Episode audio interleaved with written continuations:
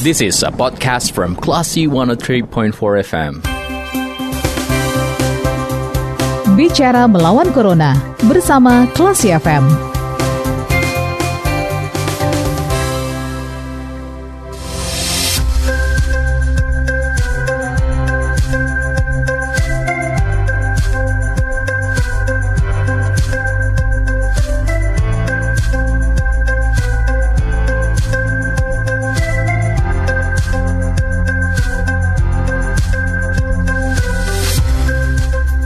103,4 kelas FM bersama kita lawan Corona. Selamat sore Classy People, Anda kembali mencermati bicara melawan Corona. Dan untuk di sore hari ini kita akan angkat tema mengenai gerakan perempuan-perempuan di desa melawan COVID-19. Nah, untuk lebih jelasnya kita sudah terhubung bersama narasumber kita yaitu Bu Leli Zailani, relawan pejuang lawan COVID-19. Halo, selamat sore Bu. Selamat sore, Mbak. Selamat sore, apa kabar? Baik, alhamdulillah masih sehat, masih, masih bisa berkomunikasi. Iya, masih, masih semangat. semangat juga. masih semangat juga. Oke. Okay. nah, Ibu menjadi relawan pejuang COVID-19 ini sejak kapan, Bu? Uh, saya bergabung menjadi relawan pejuang lawan COVID-19 ya sejak Maret 2020. Mm -hmm.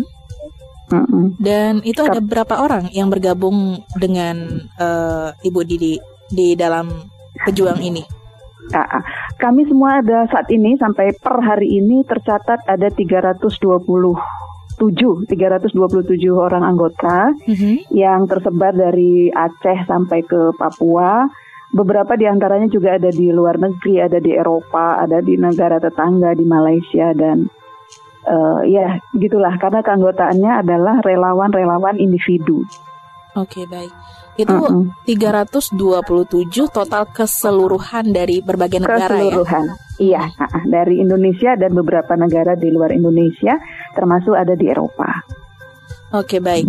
Nah, sejak awal COVID, apa saja yang uh, dilakukan oleh ibu dan anggota ibu dalam uh, beberapa bulan terakhir ini? Ya, yang pertama jadi gini, um, saya sendiri sebelum Maret itu mungkin sama seperti banyak orang ya, mm-hmm. uh, merespon pandemi COVID-19 ini di awal-awal itu dalam suasana ketakutan, ketidaktahuan, kecemasan gitu ya. Mm-hmm. Tapi kemudian kita memutuskan untuk uh, melakukan apa pun yang kita bisa lakukan, kan gitu ya. Yeah. Jadi pertama kali sebelum menemukan grup uh, relawan ini saya bersama teman-teman dari organisasi perempuan akar rumput di Medan, di beberapa kabupaten di sini. Pertama yang kami lakukan adalah secepatnya memproduksi masker, mm-hmm. gitu ya, uh, karena informasi awal yang kita temukan uh, bahwa uh, eh, COVID-19 ini uh, penyebarannya melalui droplet gitu ya. Mm-hmm. Nah, maka kita melakukan produksi masker secara sukarela. Mm-hmm. Uh, kita mengumpulkan kain-kain layak pakai mm-hmm. gitu yang masih bisa dipergunakan tapi toh selama ini tidak terlalu di, sering dipakai gitu. Jadi kita berdonasi menggalang uh, teman-teman, ibu-ibu untuk ayo donasikan pakaian-pakaian, kain-kain yang layak pakai untuk kita jahit menjadi masker. Itu yang pertama kami lakukan uh-huh. uh, dan maskernya kemudian selain dijahit secara sukarela gratis gitu ya, kami bagikan juga secara gratis ke uh, komunitas-komunitas perempuan di di desa. Itu yang pertama. Lalu yang kedua, uh, kita melihat ketika kebijakan harus di rumah gitu ya yang uh, terjadi PHK uh-huh. uh, dirumahkan tidak di PHK tapi tidak bekerja gitu sehingga kita kesulitan bahan pangan waktu itu yeah. Ya. uh, saya bersama kawan-kawan menggalang donasi uh, mengumpulkan bahan pangan nggak sampai sembako ya kalau sembako kan sembilan bahan pokok jadi ini sedapatnya beras, uh, minyak goreng, telur gitu ya, sayuran dari teman-teman yang menanam sayuran ketika itu yang dijual pun waktu itu di awal-awal kita pandemi itu juga harga jualnya uh, nggak ada gitu ya karena pasar-pasar tutup gitu. Hmm. Jadi yang kami lakukan di awal-awal adalah menggalang solidaritas, uh, menggalang donasi untuk kemudian disalurkan kepada masyarakat yang menjadi uh, kelompok yang paling terdampak, terutama kepada perempuan dan anak-anak, lansia, uh, ibu hamil. Hmm. Kira-kira itu yang kami lakukan di awal-awal. Oke, okay. nah itu pastinya uh, butuh biaya yang cukup besar juga ya Bu ya.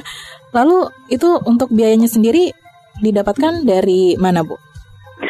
Awalnya kita uh, biaya kita masing-masing, tapi lebih ke ini ya, bukan biaya langsung materi ya, uang ya. Uh -huh. Karena ketika mengumpulkan kain-kain bekas layak pakai, misalnya kain sarung, uh, selendang-selendang yang yang kita punya 10 selendang di, di dibagikan disedekahkan 2, 3 sampai 5 gitu ya. Mm-hmm. Uh, kain-kain panjang gitu yang nggak terpakai selama ini yang dipakainya sekali-sekali oke okay, kita bikin masker aja. Yang mm-hmm. penting maskernya sesuai standar. Waktu itu kan masker juga langka ya waktu awal-awal itu. Iya betul. Uh, pokoknya kita jahit masker dua lapis gitu. Waktu itu kita buat dua lapis. Uh-huh. Penjahitnya anggota-anggota komunitas kita yang memang sudah menjahit dan terhenti produksi menjahitnya gitu.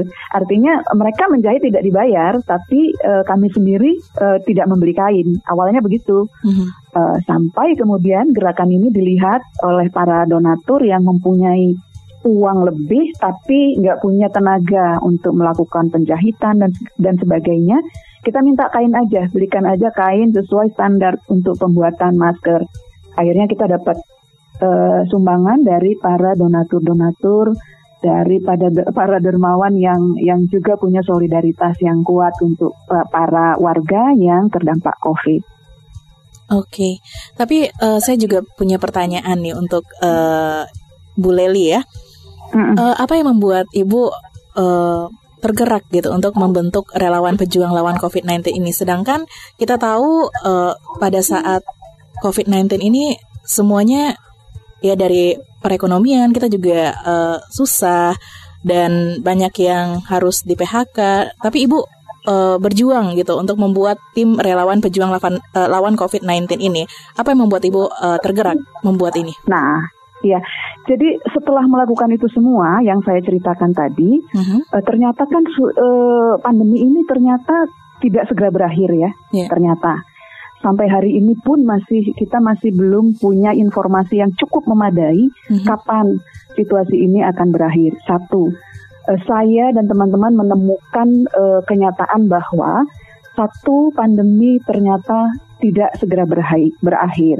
Uh-huh. Yang kedua uh, pemerintah akhirnya menetapkan atau mengumumkan apa yang disebut dengan new normal gitu. Nah, pada saat diumumkan new normal, faktanya apa yang terjadi? Masyarakat merespon bahwa seolah-olah dunia ini sudah normal. Mm-hmm. Betul. Padahal yang terjadi justru angka semakin tinggi, mm-hmm. gitu. Nah, ini ada apa gitu? Kenapa pemerintah mengatakan new normal sementara faktanya angka menunjukkan jumlah semakin tinggi? Gitu. Sampai hari ini angka itu terus tinggi. Ketika itulah saya mencari-cari informasi, ini gimana ya gitu ya. Kenapa kebijakan yang ditetapkan itu maksud dan tujuannya mungkin tidak untuk pastilah tidak untuk mencelakakan masyarakat gitu. Hmm. Tapi faktanya gitu dengan respon masyarakat yang menafsirkan bahwa new normal adalah normal hmm. gitu, ini membuat kehati-hatian warga semakin uh, kendor gitu loh. Yeah. Kalau di awal-awal takut, ngeri, hati-hati, begitu new normal itu malah semakin tidak hati-hati lagi, abai dengan apa yang disebut social distancing, mm-hmm. jaga jarak, cuci tangan itu abai karena dianggap segalanya sudah normal. Mm-hmm. Nah, pertanyaan-pertanyaan ini mendorong saya untuk belajar gitu apa sih yang terja sedang terjadi akhirnya saya menemukan satu wadah yang uh, disebut sebagai RPLC itu uh, relawan pejuang lawan COVID-19. Nah ini sebetulnya uh, sebuah wadah yang didirikan oleh seorang dokter perempuan. Uh, dia seorang epidemiologi klinis, mm-hmm. namanya Dokter Tifauzia Tiasuma. Jadi beliau ini memang uh, seorang dokter yang uh, apa ya ke keahliannya memang di di bidang penyebaran penyakit gitu. Jadi dia punya kemampuan untuk memprediksi gitu, menganalisis uh, penyebaran pandemi, meng, uh, memprediksi kira-kira ini akan seperti apa dan memahami apa itu virus dan sebagainya. Nah, di sini saya kemudian belajar apa yang saya pelajari antara lain antara lain bahwa uh, pengetahuan tentang virus, dampaknya, langkah-langkah yang efektif untuk pengendaliannya itu penting kita miliki. Mm-hmm. Sehingga kita tidak harus membayar mahal uh, pandemi ini dengan sejumlah kesulitan seperti sekarang, kesulitan hidup, uh, apalagi ya uh, stres gitu ya. Mm-hmm. Bahkan tidak hanya itu ya kesulitan ekonomi bahkan sampai harus kita bayar dengan mahal dengan nyawa gitu. Seandainya kita punya pengetahuan, masyarakat punya pengetahuan tentang apa itu virus, apa dampak-dampaknya, apa itu pandemi. Apa itu pandemi? Bagaimana menghadapi situasi ini semua? Kita sedang menghadapi situasi apa? Gitu kan? Kalau kita punya pengetahuan ini, maka kita bisa melakukan upaya-upaya pencegahan, upaya-upaya penanganan, dan strategi jangka panjang untuk keluar dari situasi yang sekarang ini. Makanya saya bergabung dengan RTLC ini. Okay. Gitu, Mbak. Mm -hmm. Apakah uh, ada kendala yang ditemukan? Kalau di grup sendiri, saya kira saya nggak, uh, saya dan teman-teman nggak punya kendala yang berarti. Saya boleh katakan di grup ini relawan ini saya tidak punya kendala. Kendalanya ada di ketika kami harus melakukan aksi ya. Mm-hmm. Aksi yang harus dilakukan adalah uh, salah satunya pengorganisasian komunitas misalnya. Mm-hmm. Karena kami punya punya niat gitu ya, punya apa ya spirit gitu. Kita punya spirit untuk sebanyak mungkin melakukan edukasi mm-hmm. ke masyarakat. Edukasi itu adalah salah satu aksi yang harus kami lakukan edukasi tentang apa itu COVID-19, eh, apa itu virus, bagaimana pencegahannya, apa yang dibutuhkan dan sebagainya. Nah di sini kita berhadapan dengan eh, kelompok-kelompok manusia ya, yang saya kira ada di semua tempat, ada di mana pun itu ada setidaknya kita menemukan eh, tiga kelompok manusia yang eh, pertama kelompok manusia yang apa ya semacam berhalusinasi gitu, mm-hmm. uh, tidak bisa menerima kenyataan bahwa coronavirus COVID-19 itu ada mm-hmm. terjadi di depan mata setiap hari angka kematian terus terjadi berjatuhan angka positif terus bertambah itu ada gitu tapi ada banyak kelompok masyarakat yang mengatakan ah nggak ada itu mm-hmm. kalau ada pun di Jakarta kalau ada pun di TV mm-hmm. gitu misalnya. Itu satu kelompok yang seperti itu yang kami menyebut ini kelompok yang berhalusinasi. Yang kedua kelompok yang delusi yang iya dia merasa betul ada memang tapi nggak nggak sengeri ngeri yang diberitakan lah gitu.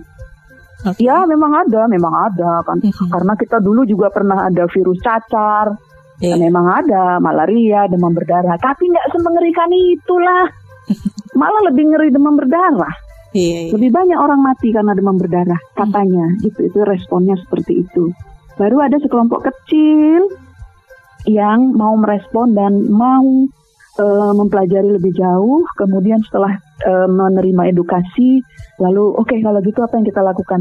Apa yang harus kita lakukan bersama-sama? Itu sih yang yang kendala-kendala yang kita hadapi yang saya pikir itu satu kendala yang berarti, uh, tapi saya menempatkan itu sebagai tantangan yang saya harus bisa jawab. Saya kira gitu, Mbak. Oke. Okay. Nah, tadi uh, uh, seperti yang Ibu jelaskan ada tiga kelompok ya, ada halusinasi, delusi, dan uh, kelompok yang mau belajar gitu. Dari yeah, uh, uh, selama Ibu uh, mengedukasi warga, dari tiga kelompok ini paling banyak yang ditemukan yang mana, Bu? Yang paling banyak yang delusi, sok tahu gitu. Mm -hmm. sok tahu dia, tapi sebenarnya pengetahuannya itu ya ya berdasarkan kebenaran yang dia yakini sendiri gitu. Jadi karena delusi ini kan uh, apa ya beda tipis dengan yang halusinasi ya. Mm-hmm. Nah kalau halusinasi kan memang sama sekali menghayal. Gitu. Iya iya. nah kalau yang delusi ini so dia tahu. memang tahu sedikit, tahunya sedikit, uh-huh. tapi dia responnya melampaui pengetahuannya yang sedikit itu. Gitu.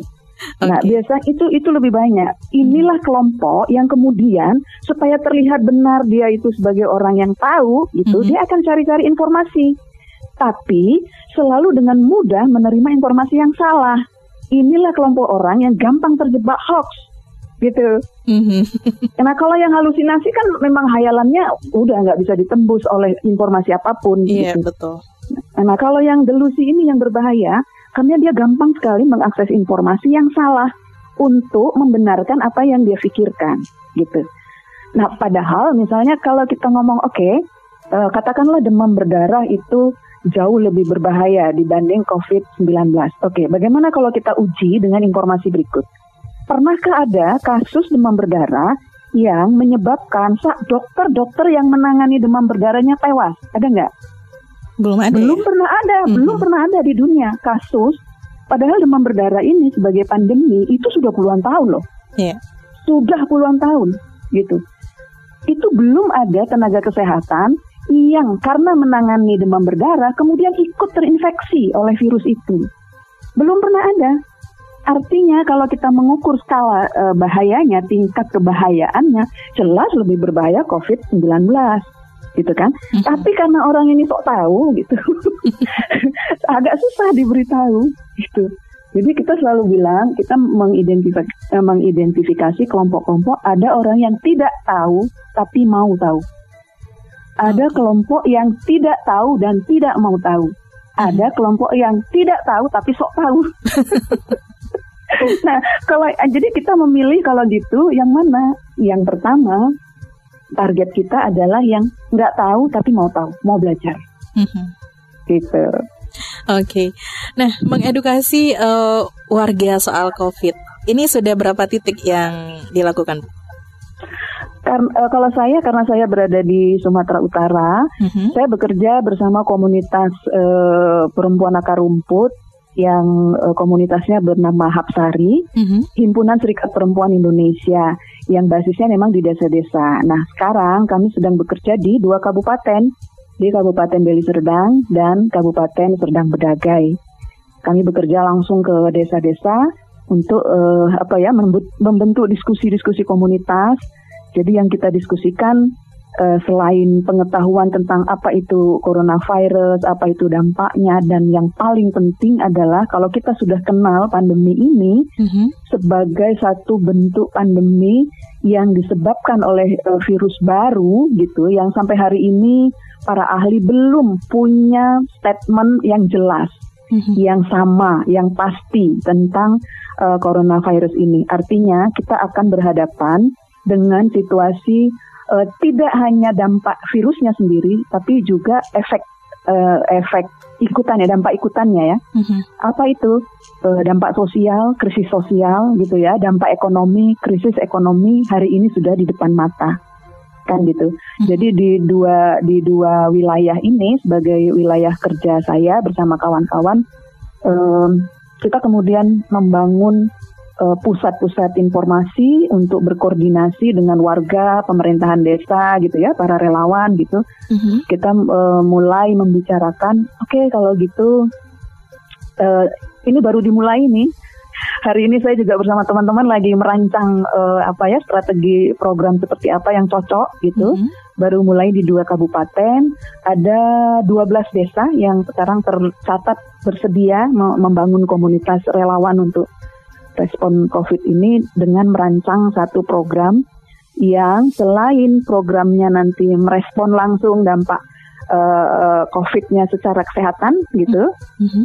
Kalau terinfeksi apa yang harus dilakukan dan kalau nggak terinfeksi pencegahannya bagaimana, lalu uh, apa ya persiapan kita dalam untuk menghadapi kondisi terburuk dalam satu dua tahun ke depan seperti apa gitu mbak kebanyakan ya jawabnya saya selalu semangat ini iya kita juga semangat bum dengar uh, cerita ibu karena uh, kita juga jadi tahu gitu kan masyarakat masyarakat yang diedukasi ternyata juga uh, tidak semua menerima gitu. Betul, hmm. betul. Oke, okay, baik. Uh, Bu Leli, terima kasih untuk waktunya di sore hari ini. Sama-sama, okay. Mbak. iya. Terima uh, kasih banyak semuanya. Iya, tetap jaga kesehatan dan tetap semangat ya, Bu ya. Oke, salam untuk semua warga Padang ya. Oke, Bu. Terima kasih. Selamat sore. Selamat sore. Baiklah people, demikian obrolan kita bersama Bu Leli Zailani, relawan pejuang lawan COVID-19. Program kita lanjutkan kembali. Terima kasih. Anda sudah mencermati program Bicara Melawan Corona bersama Klasi FM. Tetap waspada bersama kita lawan Corona. This is a podcast from Classy 103.4 FM.